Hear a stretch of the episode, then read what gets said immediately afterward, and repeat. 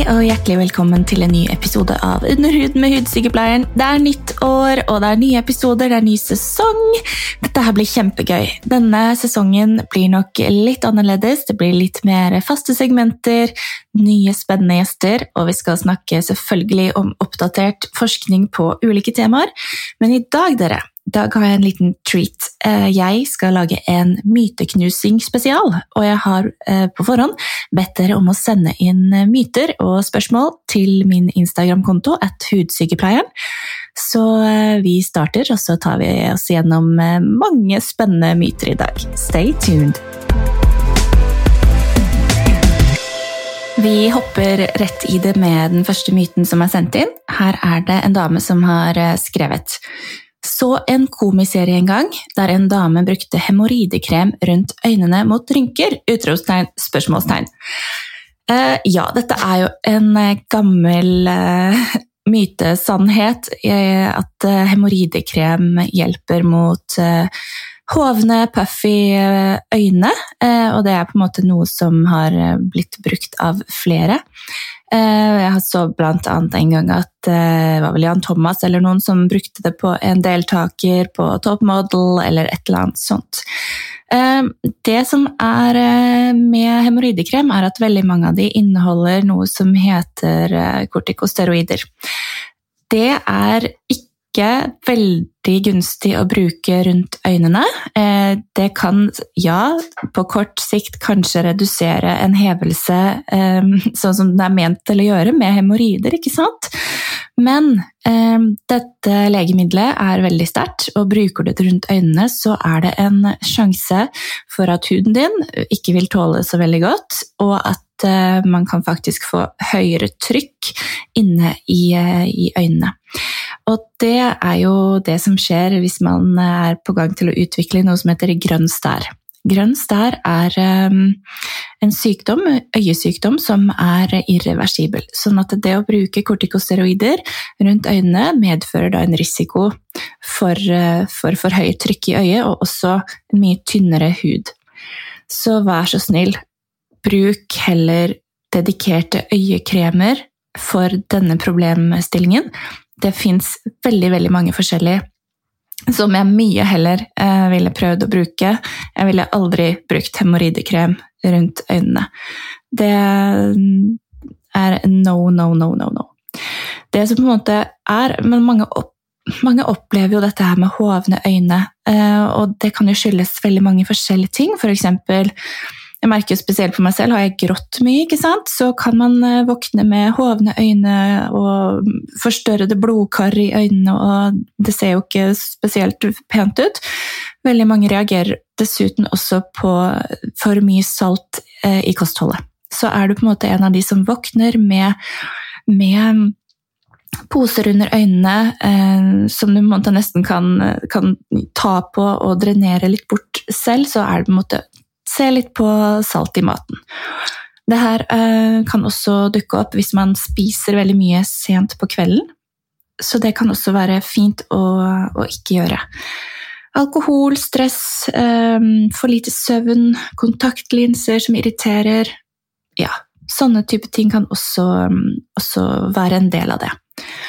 Mange opplever også måte, at man er konstant hoven eller posete under øynene, og det er jo flere faktorer her. Er man en av de som er genetisk anlagt til å ha en større fettpute under øynene, da er det jo på en måte genetisk betinget. Da vil det ikke hjelpe uansett hvor mye øyekrem man smører seg med, dessverre.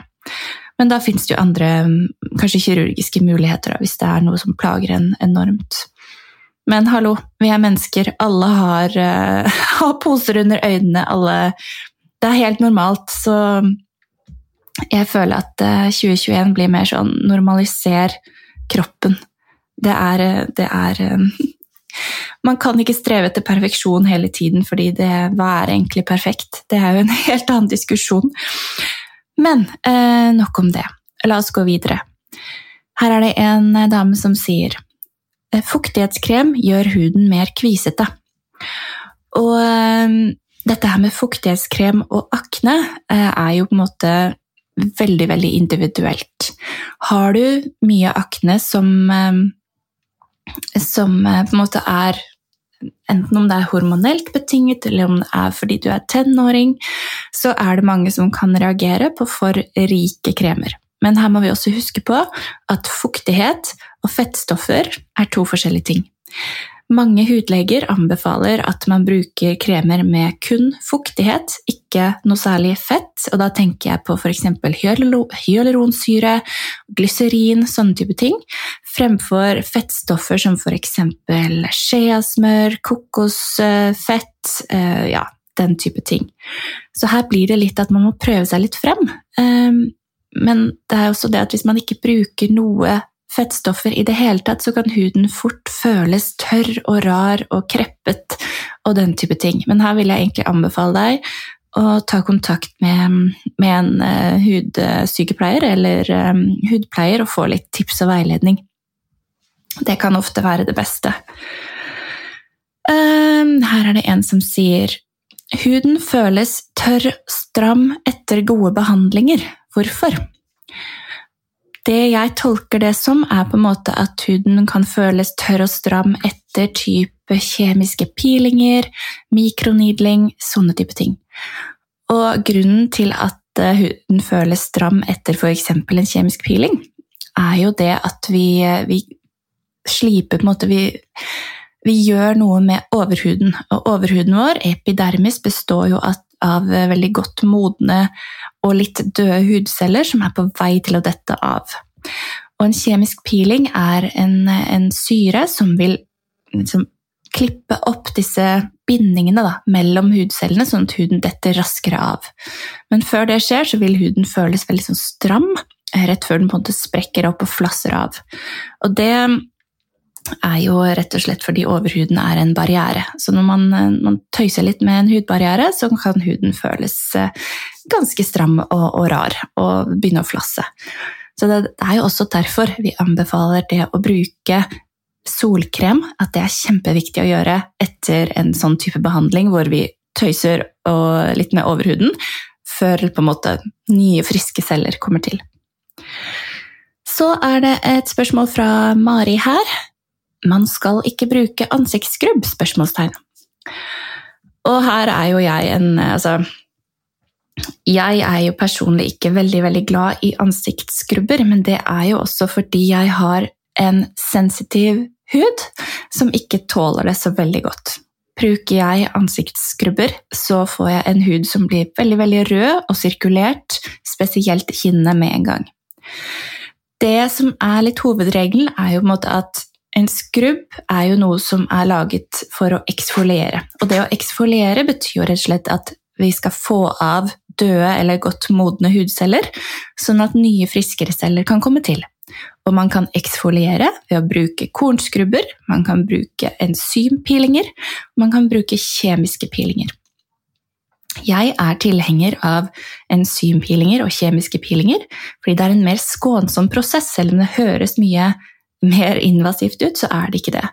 Hvis man skrubber huden sin masse med en kornskrubb, og kornene i den skrubben ikke er helt runde, f.eks., så eh, vil man lage mikrorifter i huden sin, og da ødelegger man, eller man kan på en måte lage hull på hudbarrieren, sånn at mikrober og sånne type ting lettere kan skape uro i huden. Derfor er jeg mer tilhenger av typ sånn peeling pads, hvor du har kanskje fruktsyrer, salicylsyre i en god miks som man smører på huden, eller i en toner man bruker morgen eller kveld, eller begge deler. Da vil du få den jevnlige eksfolieringen, sånn at du får den nye, friske huden, og at det, ikke de gamle hudcellene gjør at du ser litt sånn grå og trist ut og matt ut i huden. Men her må man prøve seg frem. Har man en helt normal hud, eh, kanskje en kombinert eller fet hudtype, og man syns at kornskrubber er ålreit, det er digg, og at man føler at det er velvære, kjør på. Det er ingen regler her, men har du en sensitiv hud, har du akne på huden din, har du eksem, psoriasis, andre typer hudsykdommer, rosacea, så vil jeg heller anbefale andre løsninger som er mer skånsomme for huden. Rett og slett. Så er det en som spør her Olivenolje er det holy grail of skincare? Spørsmålstegn. Og jeg regner med det kommer litt fra det her med at eh, Jennifer Lopez nettopp har gått ut og sagt at eh, nei, hun har ikke brukt noe annet enn olivenolje for å få uh, sitt ungdommelige utseende, uh, samtidig som hun lanserer et uh, hudpleiemerke fullt av olivenolje. Men ja, vi som jobber i bransjen, we know. We know. Men olivenolje i sin naturlige form, den som du har på kjøkkenbenken, som du bruker til å lage mat, det er kjempesvære molekyler. Hvis du tenker deg en molekylstørrelse på størrelse med en fotball, ikke sant? Uh, huden vår består jo av La oss si den består av et rutenett. Og det nettet det, både, det skal beskytte mot både olje og vann, og det er ikke hva som helst som kan komme inn der. Rutemaskene er like store som uh, si en centimeter. Så hvis man skal prøve å, å kjøre det store olivenoljemolekylet gjennom dette nettet, så vil det ikke komme seg veldig dypt. Det vil legge seg på overflaten. Og det er det som skjer hvis du putter olivenolje på huden din. Det legger seg på toppen som en overflatebehandling. Så det myker opp og løser på en måte Gjør at overhuden din, de døde hudcellene, blir mykere. Men det har ingen effekt på fuktighetsnivåene i huden din whatsoever. Og jeg tenker at det er så mye bra hudpleie som er utviklet både for fuktighet og for alt mulig.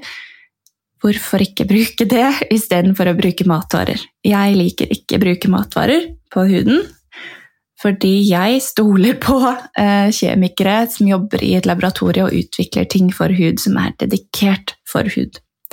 Men det er meg. Her er det en også som sier at kokosolje er løsningen på alle hudproblemer. Nei, det er ikke det, altså. Det er ikke det.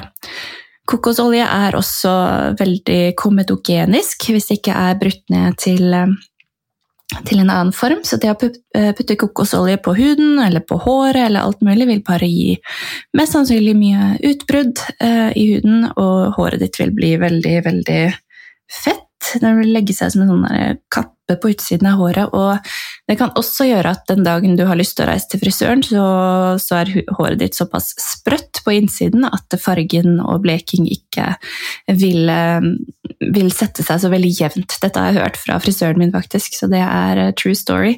Hun hadde en, um, en jente som skulle bleke håret sitt, og hun hadde gjort det før, men den, eh, den, gangen hun var hos henne, så hadde hun da brukt kokosoljemaske i håret sitt uh, i forkant, og håret brakk så det suste.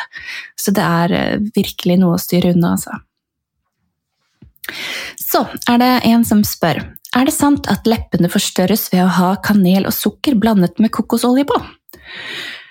Altså, da vil det i så fall være en veldig midlertidig effekt ved at blodtilførselen altså Leppehuden vil bli så irritert av den kanelen at den bare blåser seg opp litt. Men det blir jo, da irriterer det jo huden din, og det vil jo føles ikke så veldig bra, vil jeg tro. Så det, da vil jeg heller, hvis det er målet, å plempe leppene, kjøpe en leppegloss. Det fins mange forskjellige der som har F.eks. mentolatum og andre typer ingredienser som gjør at leppevevet forstørres litt. Men bruk nå heller det enn det du har i matskapet ditt. Det er det, er det jeg tenker, da. Uh, ja, så er det en som spør her, da. Hvor bra, eventuelt skadelig, er disse do it yourself ansiktsmaskene med honning og avokado og sitron og sånn? Her er det igjen. Dere er veldig ivrige på dette her med matvarer på huden, altså. Uh, hvorfor det? Det er jo sånn at det er ikke laget for huden. Um, sitron spesielt er, har en pH som er mye lavere enn huden. Og den er på en måte ikke formulert for huden, så når man legger en syre på huden eh, som har en lav pH i den også, så vil det arte seg annerledes enn om du putter ren sitron på huden. Det er ikke å anbefale, og det kan øke din huds solsensitivitet. Så vær så snill, don't do it. Så er det en som sier, spør er eh, naturlige slash økologiske ingredienser i hudpleie er bedre for deg enn kjemiske ingredienser. Og det er jo en liten sånn greie. Er, jeg føler det er sånn team natural, eh, fri, ren hudpleie og team alt det andre. Men basically, bryter man det ned, så er jo alt kjemisk. Eh, til og med vann har jo en kjemi. Det er bygd opp av atomer, molekyler. Sånn at det, om noe er fremstilt syntetisk i et laboratorie, eller om det er hentet direkte fra naturen, for meg eh, så vil ikke det ha så mye å si. Men det er jo klart, er man på en måte opptatt av det holistiske, det grønne, og man på en måte tenker at nei, jeg vil ha ting direkte fra naturen, så go for it. Men rent kjemisk, rent biologisk, så er det veldig mye av det samme. Det man også vet, er jo at ingredienser som er hentet direkte fra naturen, ofte er veldig veldig potente og kan skape irritasjoner. For eksempel masse, mange av de medisinene vi har som er mest potente, sånn som antibiotika og type kremer for eksemer og sånne type ting, det er jo rett og slett hentet fra naturen. Man har funnet ting, potente ting i naturen som man har overført til, til kremform. Men eh, altså, sånne her ting som essensielle oljer og sånn kan være veldig fint, og tåler man det, så, så vær så god, men mange kan få reaksjoner altså, ved å smøre det rett på huden. Så vær, prøv deg litt frem, og ta kanskje en, en, liten test på armen din eller huden bak øret før du bruker et veldig, veldig sånn potent, naturlig eh, hudpleie. Skal vi se er det også en som sier om et produkt får deg til å få et lite kviseutbrudd, så er det dårlig. Ja, eh, det jeg pleier å si til mine pasienter når de starter på et nytt hudpleieprogram, hvis de på en måte aldri har brukt aktive stoffer før og skal i gang med f.eks. salicylsyre, andre syrer, eh, acelainsyre eller andre typer fettstoffer de ikke har brukt før, så sier jeg at vet du hva, i to uker nå så kommer du til å oppleve at du får mer akne, men den aknen som kommer, kommer til å gå over raskere. Det er det vi kaller for purging, eh, og det betyr rett og slett at det som allerede er in motion, det som er i gang i huden din, vil komme til overflaten fortere. Det er jo sånn at den hudcellen du lager i dag, tar fra 28 til 35 dager før kommer seg til toppen av huden din og detter av. Sånn det er klart, er det ting som er i gang i løpet av disse på en måte en måned, da, så vil det, det vil komme til toppen. Og du vil oppleve at huden blir dårligere før den blir bedre. Dessverre. Sånn er det. Men har man, man må ha et langsiktig perspektiv, og bruker man hudpleie, starter på et nytt program, man må ha minst eh, tre måneders horisont på det, altså. Så er det en som sier man skal ikke tørke ansiktet med håndkle, men med papir. Det kan du gjøre litt som du vil med, tenker jeg. Det som er viktig hvis man bruker eh, altså, hva som helst til å tørke ansiktet med, er å ikke dra, dra, det rundt i ansiktet, for da blir det jo på en måte nesten som en kornskrubb. Man, man, eh, det blir for røft for huden, og mange opplever også det at så fort man er borti huden, så blir man rød. Så om man bruker papir eller håndkle, bare klapp, det, klapp forsiktig. Ehm, og det gjør ingenting om huden er litt fuktig altså, når du tar på et produkt. Det er egentlig bare fint. Det pleier jeg å anbefale faktisk hvis man har en, en solution eller en toner i hudprogrammet. Bruk kremen rett etter du har brukt det produktet, for da er på en måte huden litt fuktig, og du vet du ser for deg en kjempetørr plante som du ikke har vanna på en stund. Så bare helle vann på toppen av den, så, så, legger det seg som en dam på toppen, eller det renner ned langs kantene. Men hvis huden er litt, nei, planta er litt fuktig fra før av, og du vanner, ja, da trekker det rett ned. Og litt sånn er det med huden også. Så ikke vær redd for at huden er litt fuktig. Så er det et nytt spørsmål her. Hun skriver hvis man begynner å klemme kviser, så kommer det mye mer? spørsmålstegn. Altså,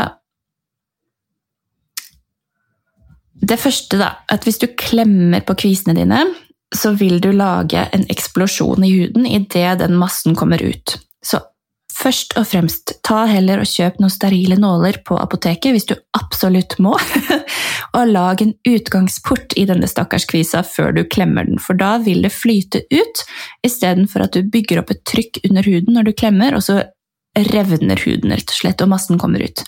Fordi en sånn, en, en, eksplosjon i huden, vil jo på en måte lage et sår. Og det såret er jo mottakelig for nye bakterier, og det, det vil jo lukke seg inn. Så kanskje det blir større, og så er, er du i gang.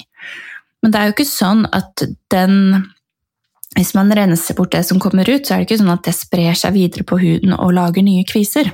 Det er det ikke. Så, men det aller beste er å, å, la de være, og hvis de blir helt kritthvite, lag en liten utgangsport, og så får du det forsiktig ut. Det vil jeg i hvert fall anbefale. Men disse store, dype man ofte kan få langs kjevelinjen, kanskje på halsen eller ytterste kinnet, la de være. Fordi at de er ofte sånne som eksisterer i underhuden og aldri vil komme til overflaten. De bare absorberes av kroppen igjen. Så hvis du lar de være, så, så du, slipper du billigere unna enn om du prøver å, å pirke og poke og stikke på de. Trust me. Egen erfaring her, altså. Her står det man må tørke ut fet hud. Og det er litt interessant. Fordi det er mange som har en kombinert eller fet hudtype, og det vet man egentlig. Altså, hvis du noen gang blir blank i løpet av dagen, du får litt sånn olje i pannen eller på nesen eller haken, har du mest sannsynlig en, en, kombinert hud. Føler du at porene dine også går litt langt utover i kinnet, og du føler at oi, jeg blir oljet i ansiktet veldig raskt etter jeg har renset huden, så har du nok en fet hudtype. Og mange kan ha det uten at det gir noen plager, men det jeg ser, er at veldig mange som har denne hudtypen, de har også kviser og akne. Og det er jo fordi at olje er hudfiende nummer én når det kommer til akne.